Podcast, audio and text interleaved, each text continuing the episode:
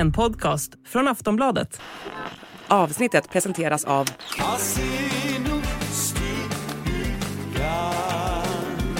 Stödlinjen.se, åldersgräns 18 år. I veckans avsnitt berättar vi allt om det franska statsbesöket och varför presidentfrun envisades med att ha en tolk trots att drottning Silvia talar flytande franska. Vi diskuterar även de oroande otrohetsryktena som omgärdar spanska drottning Letizia. Och vem är den amerikanska tv-stjärnan som faktiskt är släkt med kung Charles? Det här är Kungligt. Jag heter Sara Eriksson. Och jag heter Jenny Alexandersson.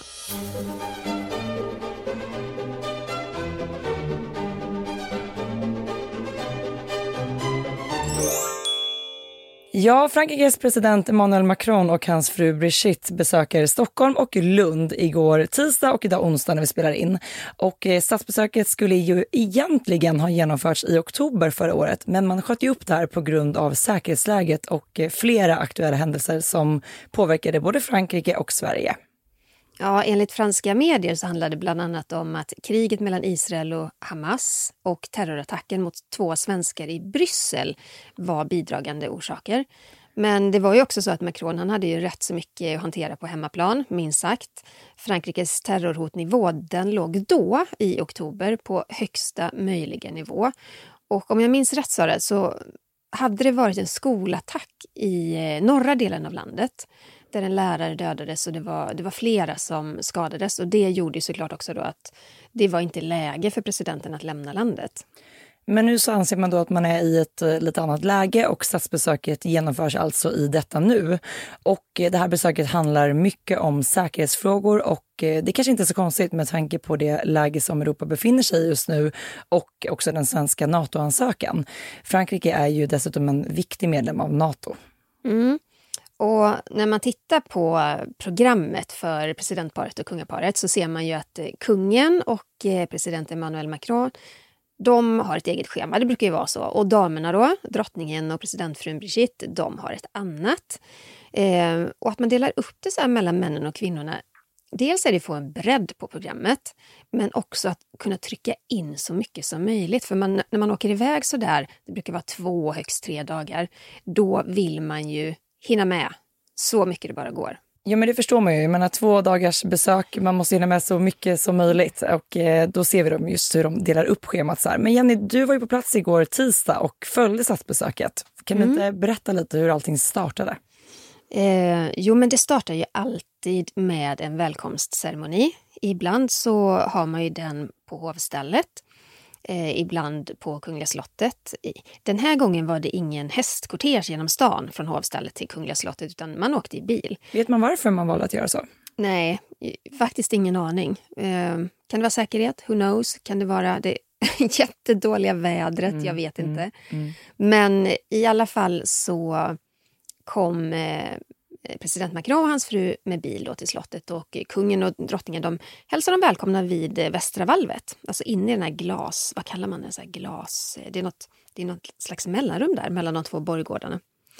Eh, väldigt tjusigt och det är pampigt och det är ju vissa, vissa del av statsbesöken som alltid återkommer och den här hälsningsceremonin och eh, att eh, statscheferna då, vad, vad, säger man? Att inspekterar. Man inspekterar mm. eh, kungliga vakten då.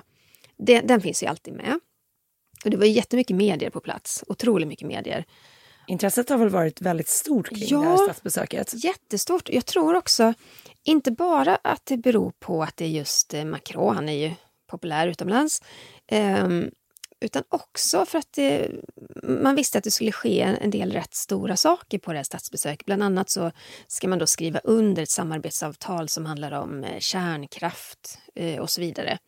Och också att det var fokus på säkerhetsfrågor och det är ju folk intresserade av idag. Många medier är också sugna på att skriva om det, så jag tror att det var därför det var stort. Eh. Och sen tycker man nog också att det här paret är väldigt spännande, Macron och hans mm. hustru. De har ju en story där att hon jag tror hon är 70 år och han är 47. Och det har det ju skrivits otroligt mycket om att, eh, att han då valde eh, en så mycket äldre kvinna. Eh, han är ju också otroligt eh, påläst, eh, han har studerat mycket, han har eh, två examina tror jag och är väldigt intellektuell. Eh, men så han är fascinerande på, på många sätt. Och efter den här välkomstceremonin så välkomnade ju faktiskt kronprinsessparet och prinsparet eh, presidentparet i, inne på slottet.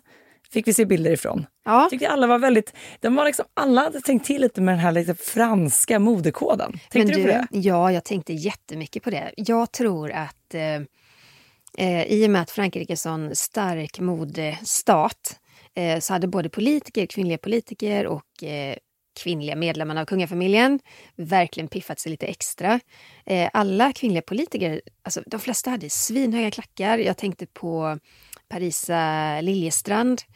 Hon, hon är kulturminister och hon var svinsnygg, ursäkta, men Mm. ett snyggt litet tight fodral, röda stilettklackar och en, någon typ av basker. Mm, väldigt Eh, tjusigt. Ja, men det var flera av de här kvinnorna som var jättesnygga. Men jag tror man tänker till i och med att man vet också att Brigitte eh, Macron, hon är väldigt känd också för sina outfits och sin stilsäkerhet. Jag tror man ändå vill göra ett bra intryck. Mm. Men Sara, visst var damerna i kungafamiljen också lite extra chica? Ja men det var de och jag tycker kronprinsessan hon verkligen klädde sig så här färgstarkt i en röd look och sen hade även hon en, en liten, vad kan man säga, en håraccessoar, hatt liknande. Eh, så att hon var verkligen så här, hon kändes lite franskt chic och även prinsessan Sofia. Ja, men hon var ju den lilla svarta. Mm. Och det, ja, jag tycker det är typiskt franskt. Den lilla svarta, ganska så A-linje, rak, formad Vita modell. detaljer. Ja, men spets, eller vad ska man säga, en vit krage som går lite längre ner och sammetsmanschetter och även vita detaljer vid ärmsluten. Så det kändes också väldigt franskt. Så det var en klänning jag kände, den där vill jag ha. Det var en Sara-klänning. ja, och sen hade hon satt upp håret, också en väldigt fransk frisyr, puffat med volym där uppe och en stor svart sidenrosett i nacken. Liksom. Jättetjusigt. Ja, det var fint. Efter den här mottagningen, de, det hölls också en lunch på Kungliga slottet, så träffade ju kungen och presidenten talmannen och statsministern och hade ett stort och viktigt möte på Karlbergs slott om säkerheten i Europa. Och Karlbergs slott, Jenny, för den som inte vet vad det är förstås så kan vi berätta att det ligger mellan Kungsholmen och Vasastan vid Karlbergs kanal i Stockholm. Och det här är ett väldigt fint slott som har anor från 1600-talet och har ägts av kungligheter och adelsmän. Mm, det var ett luft, eh, lustslott för kungafamiljen eh, tidigare. Eh, och det har också varit ett barnhem och då var det ett litet väveri som hörde till den där verksamheten. Men eh, sedan 1792 då Gustav III bildade Kungliga krigsakademin så har då Karlberg tillhört Försvarsmakten. Och det är där man utbildar yrkesofficerare och blivande yrkesofficerare då, eh, vid Militärhögskolan Karlberg. Så på ett sätt är det ju ganska naturligt att man lägger de här samtalen just där. Och lite kuriosa för alla som lyssnar som tycker om hundar. Eh, på Karlberg så ligger faktiskt Karl den XIIs hund Pompe. Och då ska man säga Pompe den förste, för han hade faktiskt tre hundar som heter Pompe. Pompe den första, eller nummer ett då, dog på Karlberg 1699. Han begravdes där. Pompe nummer två dog i Polen 1703. Och den tredje stackars hunden då med samma namn dog i Ungern 1714. Ja, så han gillade hundar och han gillade Jag namnet gillade framförallt namnet Pompe, väldigt bra hundnamn. Pompe. Ja. Och under tiden som de deltog i de här rundbordssamtalen på Karlbergs slott så besökte drottning Silvia och Brigitte eh, Moderna Museet och de deltog i ett seminarium som handlade om hur Sverige och Frankrike kan utöka och stärka sitt kulturella utbyte med exakt fokus på unga. Och sen besökte de även Rinkebyskolan tillsammans. Mm. Jag var med där på Moderna, Moderna Museet. Och eh, jag menar, Frankrike är en stor, stark eh, modestat men eh, fransk kultur är också oerhört eh, utvecklad och eh, ja, men en rik kultur, kulturland. Så jag var, inte, jag var inte förvånad över att man besökte Moderna Museet.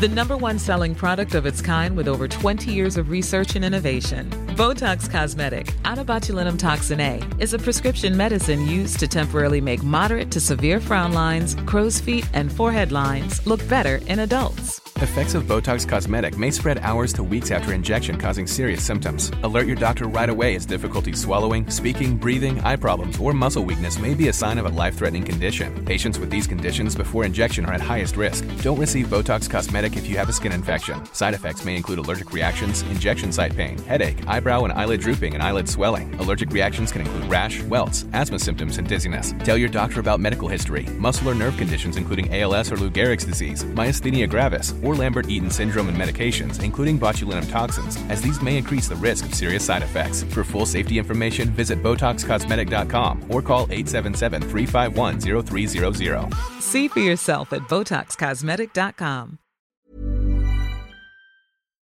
Men du som då var på plats och, och hörde de här samtalen mellan, mellan de två. Vi har fått många frågor just vilka språk som, som kungen och drottningen använde när de talade med Macron och hans fru.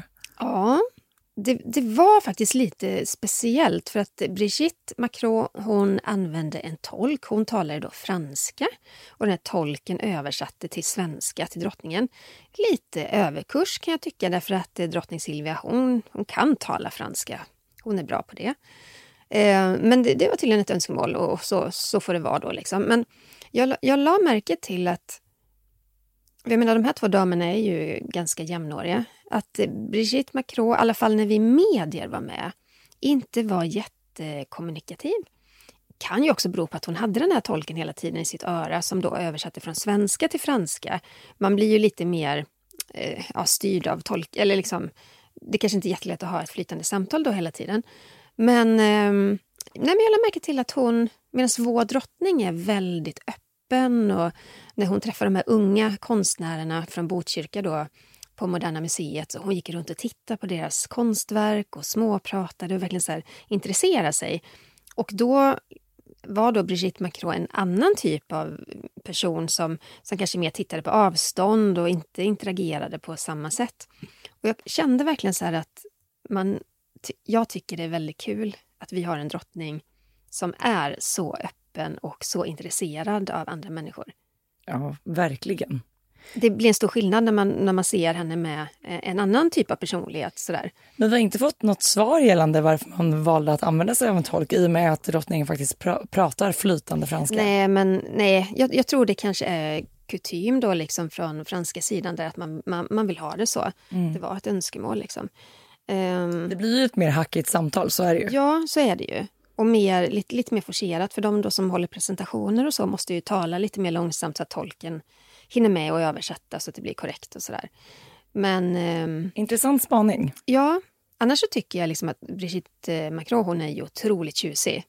Hon, det är inte ett hårstrå som lägger fel på henne. Och väldigt, eh, du vet, eh, superhöga stilettklackar. Att hon orkar gå i dem en hel dag. Helt otroligt. Eh, väldigt välklädd och, och snygg. Liksom. Så att eh, hon håller ju hon håller i stilen. Det gör hon. Och apropå välklädd då, för under tisdagskvällen så gav ju kungen och drottningen en galamiddag för det franska presidentparet. Eh, och den här middagen hölls i Karl XIs galleri i Kungliga slottets festvåning. Den är tjusig du Jenny. Mm. Och på gästlistan så stod den franska delegationen, representanter för det officiella Sverige och svenska med särskild anknytning till Frankrike. Ja, och vi måste ju prata lite om det här kungliga galamodet. Jag vill veta jag vill höra allt om dina åsikter kring, mm. Kring de här klänningarna. Jag, får jag bara säga en sak? För första gången, eh, du är ju expert på det här, men för första gången när, jag, när de här bilderna trillade in i bildbyrån så kunde jag så här tänka som Sara Eriksson. Wow, den har jag sett innan. Bra Jenny! Men ja. det, vadå, det brukar ju du vara jättebra på. Nej, men jag lär mig av dig. Ja. Du är snäll. Mm. Men det var ju just det som hände, för det var ju åter, äh, återbruk stod i fokus vid den här galamiddagen. Eh, drottning Silvia bar en lila handkrysterad spetsklänning med släp i siden duchesse. Och den här klänningen bar drottningen första gången på Nobelfesten 2022. Väldigt snygg måste jag säga. Jättefin. Jag tycker att drottningen klär väldigt bra i, i lila. Det är ja. verkligen hennes färg. Och hon bar även det vackra kamelgarnityret, ni vet det som hon bar på sitt bröllop och som även kronprinsessan bar på sitt bröllop. Det består ju av ett diadem, ett halsband, örhängen och armband. Varför bar hon just den tror du? Jo men precis som att kläderna är ju noga genomtänkta. Jag tycker att det känns så rätt att drottningen väljer att återanvända en klänning vid det här tillfället. Jag menar det är inte bara svensk press som är intresserad av det här statsbesöket utan de här bilderna sprids och används av världspressen. Att då välja att man plockar fram en, en gammal goding ur garderoben Särskilt också i och med att frågan om klimat står högt på agendan under det här besöket. Tycker jag är väldigt klokt, genomtänkt. Och likväl har man ju tänkt till när det kommer till vilka smycken man väljer att bära en sån här kväll. Och smyckesvalet är noga genomtänkt och det finns en stark fransk koppling i det här valet av smycken. För dess historia sträcker sig tillbaka till kejsaren Napoleon. Han gav sin hustru, kejsarinnan Josefin, det här vackra garnityret som tillverkades av franska hovjuveleraren Nitot, tror jag man säger. Mm. Och i en av de här kaméerna som man kan se på diademet så återfinns faktiskt ett porträtt av Napoleon. Så han valde ju då att det här diademet var ju en kärleksgåva till hans, hans hustru. Det består av en kärleksgud och mycket så här kärlekssymboliska gudar. Men han vill ju inte missa sig själv så han valde även att jag måste också vara med på det här diademet. Och det är ju fint då, jag menar det finns en väldigt fransk koppling i det här och det väljer man att bära en sån här kväll. Och det här garnityret gick sedan i arv till Josefins barnbarn som senare kom att bli Sveriges drottning Josefina genom giftermålet med Oscar den första. Så då kom det till Sverige? Ja. Jag har skrivit jättemycket om det här diademet på min blogg om man vill läsa mer om dess historia. Gå in på det, royalistan.se får ni läsa allt om det här diademet. Yes. Men kronprinsessan Victoria satsar ju också på återbruk. Det gjorde hon. Hon plockade också fram en gammal Nobelklänning ifrån 2016. Och eh, inför festligheterna då för åtta år sedan så var det faktiskt H&M som tog fram den här specialsydda klänningen tillverkad av lyocell och ekologisk siden. Och eh, den är lite så här vad ska man säga, syrenlila nästan med gulddetaljer. Ja, och ibland skimrar den i silver. Mm. Alltså när ljuset faller på de här broderierna så är det så här, det, det, det är metall, man ser, eller en metallkänsla. Mm. Men är det guld eller silver? Det är så här, skimrar hela tiden, så här, av och till. Och jag tyckte det var intressant för när jag kollade då på bilderna från Nobelfesten 2016, mm. då ser klänningen mer lila metallisk ut. Ja. Och igår i ljuset på slottet så var den verkligen mer en silvergrå ton. Ja. Så den skiftar väldigt. Och precis som vid Nobel 2016, likt igår, så matchade hon det väldigt snyggt med det här ståldiademet. Mm. Men Jenny, du som var först på att spana in Sofias klänning, vem hade designat den? Det var ju en ny pjäs. Ja, det var Lars Wallin. Eh, och han hade så himla fint lagt upp en skiss på Instagram där han visade upp tre variationer av den här klänningen och Sofia hade valt variation, eller variant nummer två mm. med, vad kallar man det, en drapering på höften. Jätte, jättefint. Eh, hon bar sitt privata diadem. Eh, den här kvällen hade hon monterat topparna med pärlor. Hon har ju, man kan ju ha allt ifrån smaragder, turkoser och så vidare. Men ikväll, ja, igår kväll så var det då pärlor. Och vill ni se bilder på alla de här looksen så kan ni spana in våra Instagramkonton, Kungligt med Jenny och royalistan.se för vi har lagt upp jättemycket bilder därifrån. Mm. Vi har också fått ganska många frågor om de här ordensbanden då, som kungen, drottningen och kronprinsessan bar under galamiddagen. Eh, kungen och drottningen bar röda ordensband och kronprinsessan ett mörkblått. Och då är det så här, vid statsbesök så sker ju ett utbyte av ordnar helt enkelt. Eh, och då var det så här att eh, franska president Macron, han fick då Serafimerorden. Och den här röda orden som kungen och drottningen bar, det är hederslegionens storkors och den har de då fått eh, tidigare eh, av eh, franska presidenten. Och den blåa orden som kronprinsessan bar, det är nationalförtjänstorden som hon fick. Och eh, kronprinsessan hon utnämndes då till storofficer av hederslegionen. Förlåt, nu blev det ju fel. Det var det hon fick under besöket, men hon bar nationalförtjänstorden. Och eh, prins Daniel och Carl Philip och Sofia de utsågs också till storofficerare av hederslegionen i samband med statsbesöket.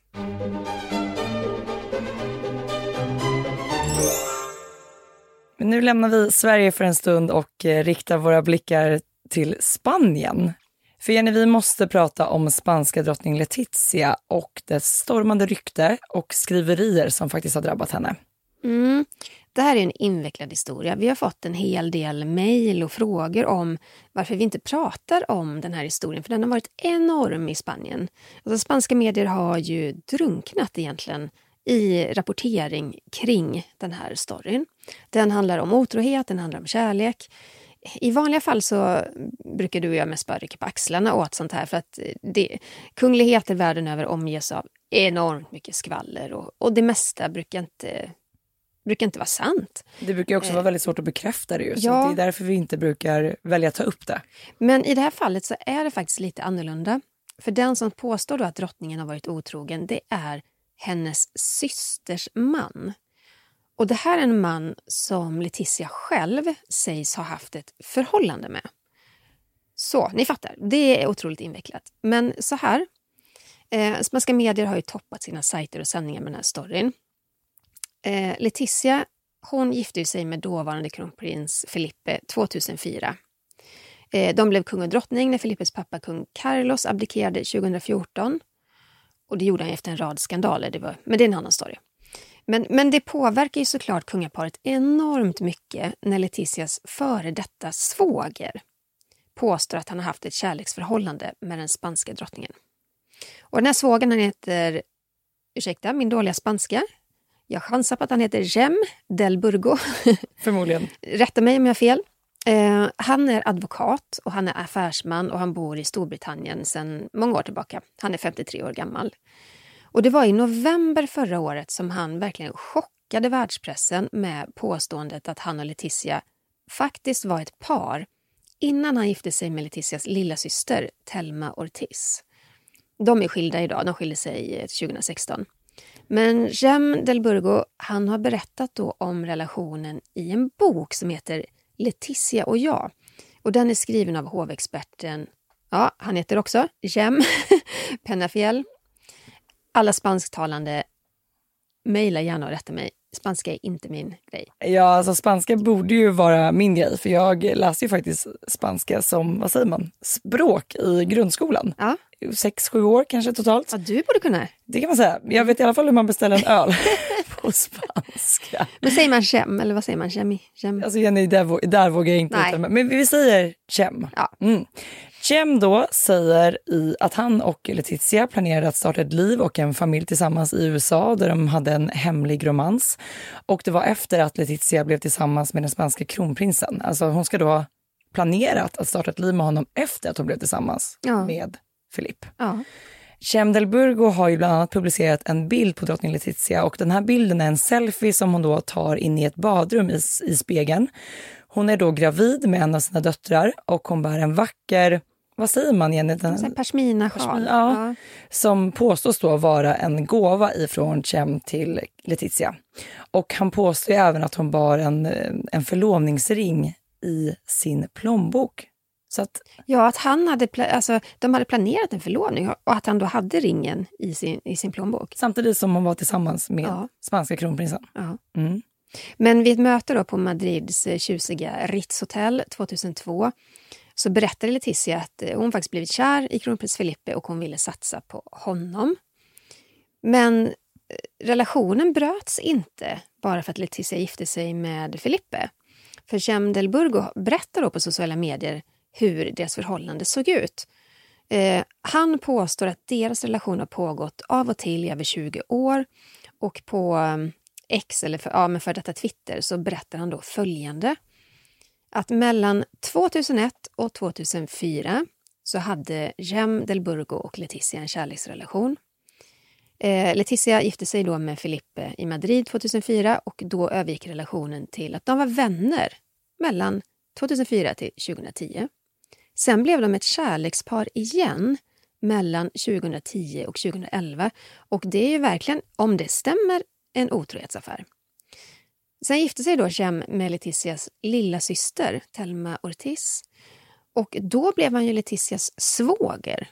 Och där menar han att då var det just en sån relation de hade och ingenting annat mellan 2012 och 2016 då när han skilde sig från eh, Telma Ortiz.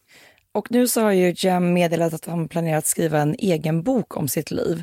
Och den ska då heta Nothing more than the truth. Och boken ska vara klar och ges ut senare i år. Och han ger ju faktiskt ut den på ett eget förlag. Ett förlag som han har startat upp själv just för att ha kontrollen över hela den här processen. Och han skriver på Twitter, eller X då, eh, som det numera heter, att boken kommer att ges ut i Spanien, Latinamerika, Nordamerika och några europeiska länder. Och att den ska översättas till engelska, tyska, italienska och franska. Han skriver även att pengarna då för försäljningen av boken kommer att skänkas till en välgörenhetsorganisation. Mm. Eh, Del Burgo han gör en hel rad med allvarliga påståenden då kring Letizia. Eh, han säger bland annat att drottningen bad att få träffa honom natten före bröllopet med Filippe. Och då ska de ha setts på den exklusiva restaurangen El Latigasso. Och där så ber hon honom att aldrig lämna henne, påstår Jem. I den första boken som vi tog upp, alltså den här Letizia och jag, då, som är skriven av hovexperten, eh, så delar Letizia svåger med sig av ganska många minnen. Han påstår att han och Letizia låg bredvid varandra i en hammock vid en pool. Det var samma år som prinsessan Leonor föddes, alltså Letizias äldsta dotter. Och vid det tillfället ska Letizia ha sagt att ja, men jag älskar dig till Jem. Och Jem ska då svara tillbaka att han älskade henne. Och han påstår även att han och Letizia pratade om att Letizia skulle skilja sig från Filippe och att de båda hade sökt juridisk rådgivning kring en kunglig skilsmässa. Och planen var då att de eventuellt skulle flytta till New York. De skulle skaffa ett eget barn tillsammans via en surrogatmamma.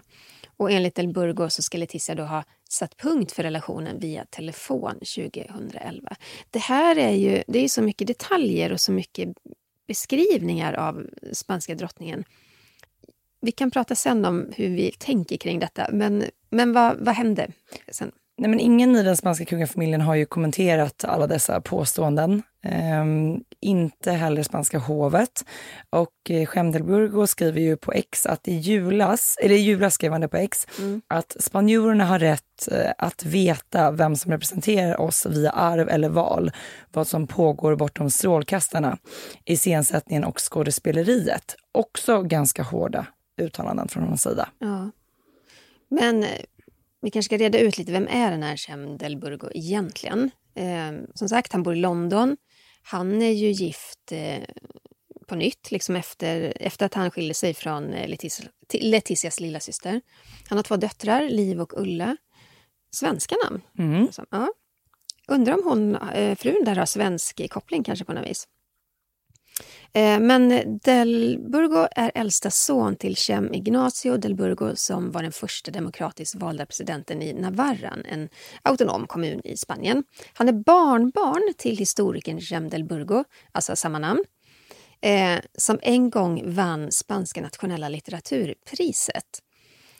Och eh, idag då så är Cem Burgo professor inom skattelagar. Han har jobbat vid stora industriföretag, men även inom finans, investeringar, konstruktion, bla bla bla. Det är liksom, han, han är en person med en stabil tillvaro. Mm. Så det är inte så att det är någon galning som, som kommer att hitta på massa grejer. Men det är ju ändå någonting det är ju ändå någonting speciellt med att han då haft ett förhållande med Leticia som blir Spaniens drottning gifter sig med hennes lilla syster. Påstår att de har haft en relation igen efter det. Ja. Och jag undrar lite så här, vad det är, han, han skrev ju där då på X att han, han vill att folket ska få veta sanningen. Om, om det då verkar som att det är hans drivkraft till, till allt det här. Ja. Um, för jag menar med tanke på hur mycket, eller många detaljer han delar, alltså det är ju väldigt hårda anklagelser han kommer med. Men kan man ha det som drivkraft om man i 20 år då påstår han har haft ett förhållande med en kvinna som han uppenbarligen har älskat? Annars skulle han inte varit tillsammans med henne. Eller haft den här relationen, om det nu är sant. Jättemärkligt. Det är väl en jättekonstig historia alltihopa från början till slut. Och om man nu då tycker väldigt mycket om den här kvinnan nu som blivit Spaniens drottning.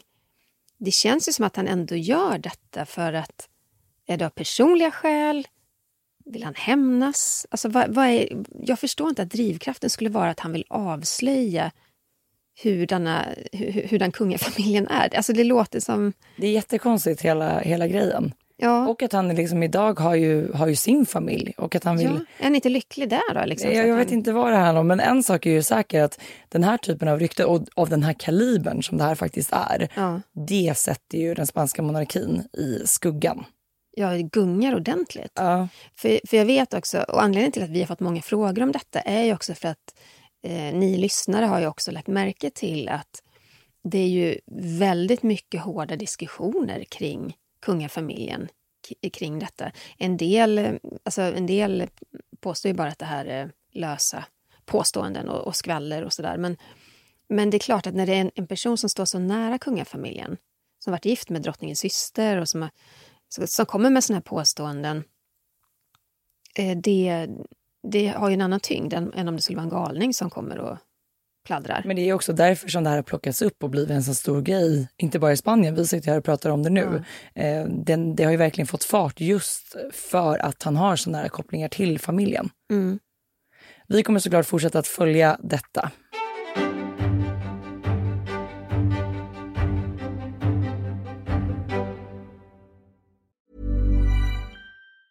Tired of ads barging into your favorite news podcasts? Good news. Ad-free listening is available on Amazon Music for all the music plus top podcasts included with your Prime membership. Stay up to date on everything newsworthy by downloading the Amazon Music app for free or go to amazon.com slash news ad free. That's amazon.com slash news ad free to catch up on the latest episodes without the ads. Nu pratar vi om Danmark som har fått ett helt nytt kungapar, Fredrik och Mary. De har ju fått enormt mycket uppmärksamhet, inte bara i internationell press utan även på sociala medier. Det har verkligen svämmat över av vackra bilder på det här kungaparet. Eh, en gammal tv-dokumentär från 2004 har också börjat snurra runt på sociala medier. Den heter Mary Elizabeth Donaldson och den eh, spelades in och sändes inför Fredrik och Marys bröllop samma år och fokusera på Mary och hennes liv innan hon träffade Danmarks blivande kung. Och där får ju tittarna följa med paret till Australien och eh, Tasmanien där Mary föddes och man får faktiskt träffa hela hennes familj. Och eh, Mary har ju sin pappa kvar i livet. Hennes mamma dog när hon var i 20-årsåldern och sen har hon då två äldre systrar och en äldre bror. Och eh, här berättar även Mary hur det gick till när hon träffar Fredrik under OS i Sydney år 2000. Och jag tycker vi lyssnar lite på när Mary berättar om vad som hände efter deras första möte. When Fredrik went back to Denmark, I was not sure if I'd ever see him again. We'd only spent such a short period together, and he lives on the other side of the world, so it wasn't a certainty that we would meet again. Um, of course, I was saddened when he left um, and felt that it was such a shame that he wasn't an Australian. Ja, Mary säger här att hon kände sig sorgsen över att Fredrik var dansk och bodde på andra sidan jorden eftersom hon träffat någon som hon tycker att hon verkligen kunde tycka om och bli mycket intresserad av. Och hon säger att de skildes åt och fortsatte leva ja, med sina liv som två självständiga personer men att de höll kontakt via mejl och telefon. Ja, hon berättar vidare att de skickade musik och låtar till varandra. De pratar om favorit, de pratar om favoritgodis och bilder på roliga händelser ur deras liksom då respektive liv. Och på det här viset så lärde de känna varandra väldigt väl och de skrev även brev till varandra. Det låter verkligen som en sån här riktig love story. Ja, men det var det ju verkligen. Mm. Men precis som du var inne på Jenny, det här med att Mary och Fredrik nu är ett så otroligt populärt kungapar. Jag tycker verkligen man ser det på sociala medier, framförallt TikTok då, att den, den här yngre generationen är väldigt fascinerade över att Mary var liksom en, en helt vanlig person som sen träffar Danmarks kronprins och blir landets drottning. Att, ja, men hon har verkligen fått så här ett, många är intresserade av hennes historia och det är därför de här gamla dokumentärerna och intervjuerna, de får ett, ett uppsving nu i samband med detta. Det var ju inte helt spikat att hon skulle bli drottning nu. Men eh, det var ju så att eh, ja, på nyårsafton nu så meddelade drottning Margrethe att hon abdikerade till förmån för sin son. Och det var den 14 januari som trontillträdet skedde. Och han blev kung Fredrik den tionde av Danmark. Men eh, hur tröttsamt det än kan vara, men det här har ju såklart väckt frågor om vår egen kung. Stackarn, han kommer nog få höra den här frågan Ja. tusen gånger om framöver, när han ska abdikera. Han, Men- är, han är ju 77 år Ja. eh, idag och det har också, den här frågan har ju såklart också väckts i Norge där kung Harald är 86 år. Och man frågar då, är det inte dags för de här två kungarna att göra detsamma till då förmån för eh, nästa generation? Eh, men vi vet ju att vår kung har ju varit väldigt tydlig med att han inte tänker göra det. Eh, när han närvarade vid eh, Folk och Försvar i Sälen så avböjde han ju faktiskt att svara eh, han vill, de vill ha en kommentar gällande drottning Margretes abdikation. Det är ju, eller vad säger jag nu, vår kungs kusin. Han svarade då att nej, jag tänker inte göra det, det är upp till henne. Kort och koncist. Vi fick ingenting mer från kungen där och då. Mm. Och eh, hovets informationschef Margareta Thorgren, hon har ju också i en kommentar till oss på Aftonbladet sagt att eh, att drottning Margrethe lämnar över tronen, det kommer inte förändra kungens sätt att se på sitt eh, ämbete. Eh, och, och, så är det ju. Det är ju, alltså, ett kungligt uppdrag är ju på livstid. Det är så det är tänkt och det är en del av själva eh, monarkin att det, går från generation till generation. När en äldre kung eller drottning dör, i den sekunden så blir ba barnet tronarvingen eh, regent. Det är ju så det fungerar. Men jag tror det här har ju satt, att, att Margrethe abdikerar nu och gör det ganska oväntat. Det har ju satt igång så mycket diskussioner kring eh, hur folk anser att en monarki ska vara. Mm. Alltså just nu ligger det i tiden, man anser att äldre monarker ska ge eh, ska liksom abdikera för sina barns skull, därför det ligger i tiden. Men, men det är ju inte, det här är ju ingen trend. Och jag tror inte helt ärligt att det här påverkar vår svenska kung så himla mycket heller.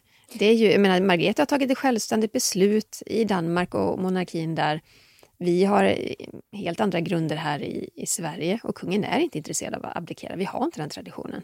Jag tänkte på det att i kungens jubileumstal som han höll i september när han firade 50 år på tronen så sa ju han att han hoppas få fortsätta tjäna vårt Sverige i både med och motgång.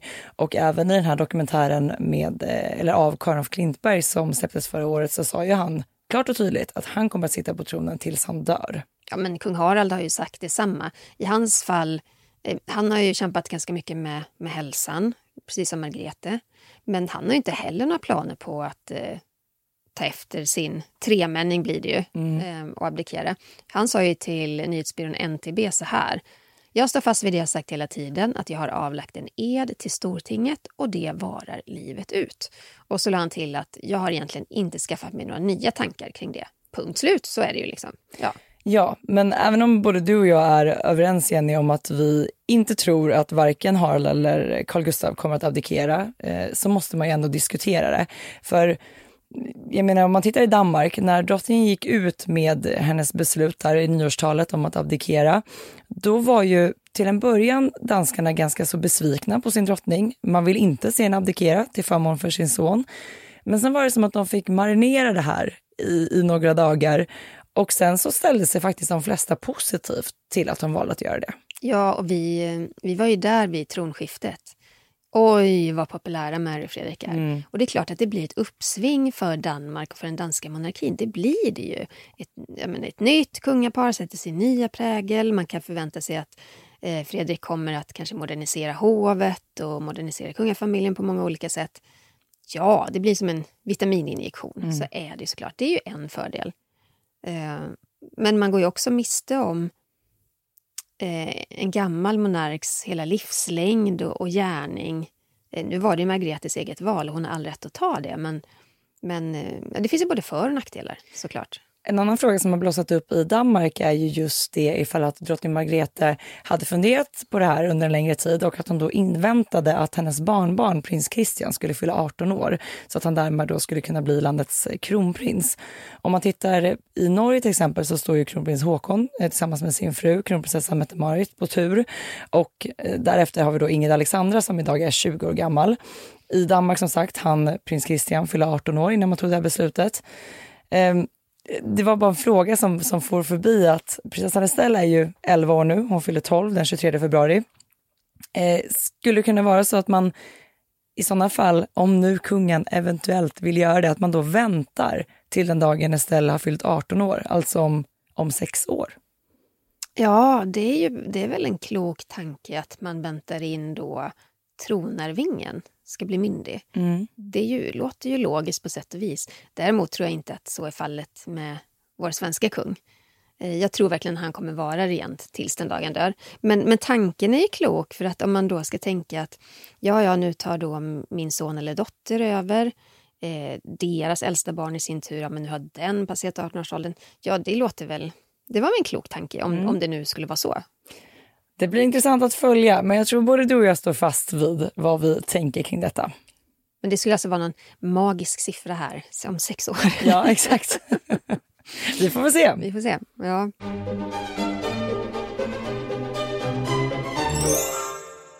Vi ska prata om en eh, filmstjärna.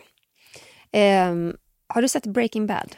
Alltså varenda gång man pratar om, eh, jag antar att det här är en tv-serie. Ja, en tv-serie. på Alltså jag känner mig så lost. Alltså jag kollar verkligen inte på någonting annat än typ kungliga dokumentärer och Antikrundan. Ja, nej men Så okej. jag har, mitt svar på frågan, nej. Nej, det har du inte. Har du gjort det? Oh ja. Breaking Bad eh, för, ja, för många år sedan nu, den var ju en stor serie. Alla såg den. Men då i och med att du kan relatera till den här skådisen så får du berätta nu vem Ja. vi pratar om. Ja, men det ska jag göra. Ehm, Breaking Bad-stjärnan Bob Odenkirk. Um, han spelar advokat i Breaking Bad. Uh, huvudpersonen i Breaking Bad, eller de två huvudpersonerna, de håller på med knarkaffärer. Och då Bob Odenkirk, han spelar en advokat uh, som heter Saul. Uh, han hade, fick ju också en sån här spin-off-serie som heter Better Call Saul. Jag Den var- sitter, den- jag sitter här som ett frågetecken. Ja, men den var också ganska populär. Inte lika mycket som Breaking Bad, men hur som helst. Många, många lyssnare kanske nu ändå vet vem jag pratar om. Han har i chock eh, upptäckt att han är släkt med kung Charles. Och Bob Odenkirk, han är 61 år gammal. Eh, han har varit med i det senaste avsnittet av den amerikanska släktforskningsserien Finding your roots. Och Det var där han fick reda på att han då har en överraskande kunglig koppling. Visst finns det en svensk variation, eller mm, variant av Ja, men det- släkta, släktforsknings... Som sagt, har inte sett heller. Men det har jag, det har jag faktiskt sett reklam för. Just Ja. det här att man, man går tillbaka och tittar hur man är släkt och med vem. Och Ja. man, det, går man riktigt långt tillbaka i tiden så kan det ju komma intressanta upptäckter. Jag tänker så här, går man tillräckligt långt tillbaka så är väl alla svenskar släkt med Gustav Vasa. Exakt. Alla har en kunglig koppling. Ja, men i alla fall då. I det här programmet då så har man lyckats att granska fem generationer av Bobs eh, anor eller rötter. Och då är det så här. eh, Bobs femte, vad säger man, ja, men femte, äh, femte ledet, gammelmorfar eller gammelfarfar. Det är svårt det här med engelskan, de säger bara fifth great grandfather. Om det är på mammans sida eller pappans sida, I don't know. Hur som helst, han hette Friedrich Karl Steinholtz och var född i Plön i Tyskland 1755. Och den här Steinholtz mamma blev med barn utanför äktenskapet med hertigen av Plön. Vilken story! Ja. Som var då släkt med Europas kungliga familjer på grund av giftermål. Och Bob berättar för programledaren i den här Finding Your Roots att han är inte royalist eh, och inte Ja, han tror inte riktigt på det. Liksom. Han, han tycker att det känns lite skevt och sådär. Hur som helst.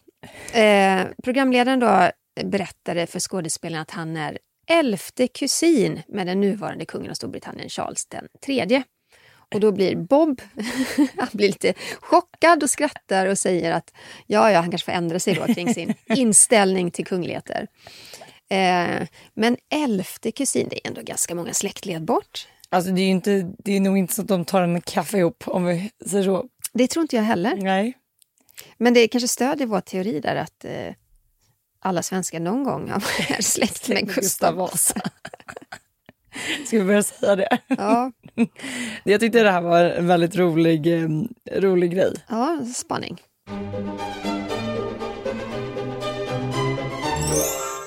Vi måste prata om kung Charles och Catherine, prinsessan av Wales, för båda två har ju varit inlagda på sjukhus och genomgått operationer.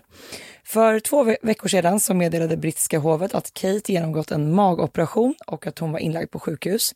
Det här ingreppet ska ha varit planerat, men utöver det så var hovet väldigt förtegna om och liksom hänvisade till privata skäl, så vi vet ju inte exakt vad det här handlade om för operation. Och Kate då, hon vårdades på sjukhus i 14 dagar innan hon återvände hem till Windsor. Och hon kommer faktiskt att fortsatt vara sjukskriven fram till påsk och därmed inte, inte representera innan dess. Mm, det är ju inte bara Kates kalender som påverkas av det här. Prins William har eh, och kommer att skjuta upp flera officiella uppdrag. Han arbetade ju inte under tiden som Kate var inlagd på sjukhus utan då fokuserade han på barnen. Och kung Charles har genomgått ett ingrepp för förstorad prostata och han lämnade sjukhuset i måndags den 29 januari efter att ha vårdats under tre dygn. Och kungens tillstånd ska vara godartat men han kommer att vara sjukskriven från sina kungliga plikter i cirka en månad framåt. Det är ju rätt tufft att ha både kungen och eh, blivande drottningen inlagda på sjukhus samtidigt. Mm. Och då tänker jag så här, det har ju varit, eller det är väldigt stora diskussioner nu i Storbritannien och man vet ju att kung Charles planerar att kapa grenar inom den kungliga familjen. Det vill säga att inte lika många som idag kommer att representera.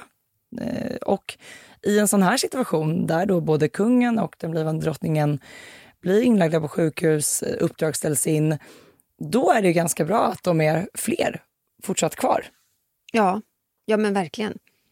Eh, är det en som drabbas så, så, märks det kanske inte så mycket men, men är det två personer så, eh, ja, så blir det en större grej. Det där har ju prinsessan Anne, var, alltså kung Charles syster, varit väldigt eh, tydlig med. Hon är ju ofta väldigt rak och ärlig i intervjuer och eh, hon sa just det att de genomför så pass många uppdrag att hon ser inte hur man ens skulle kunna kapa grenar inom den brittiska monarkin. Hon känns ju också väldigt partisk i frågan.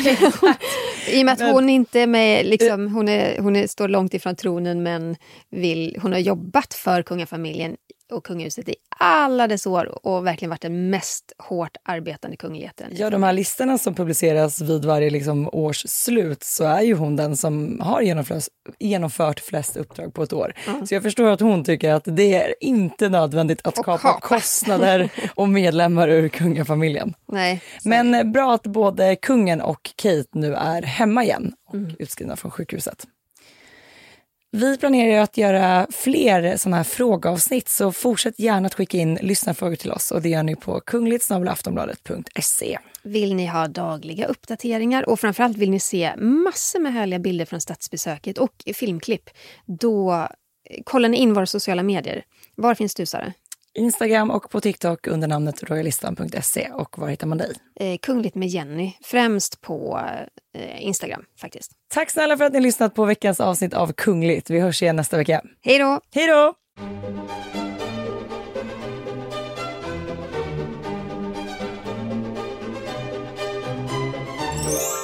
Du har lyssnat på en podcast från Aftonbladet. Ansvarig utgivare är Lena K Samuelsson. Tired of ads barging into your favorite news podcasts? Good news. Ad-free listening is available on Amazon Music for all the music plus top podcasts included with your Prime membership. Stay up to date on everything newsworthy by downloading the Amazon Music app for free or go to amazon.com slash news ad free. That's amazon.com slash news ad free to catch up on the latest episodes without the ads.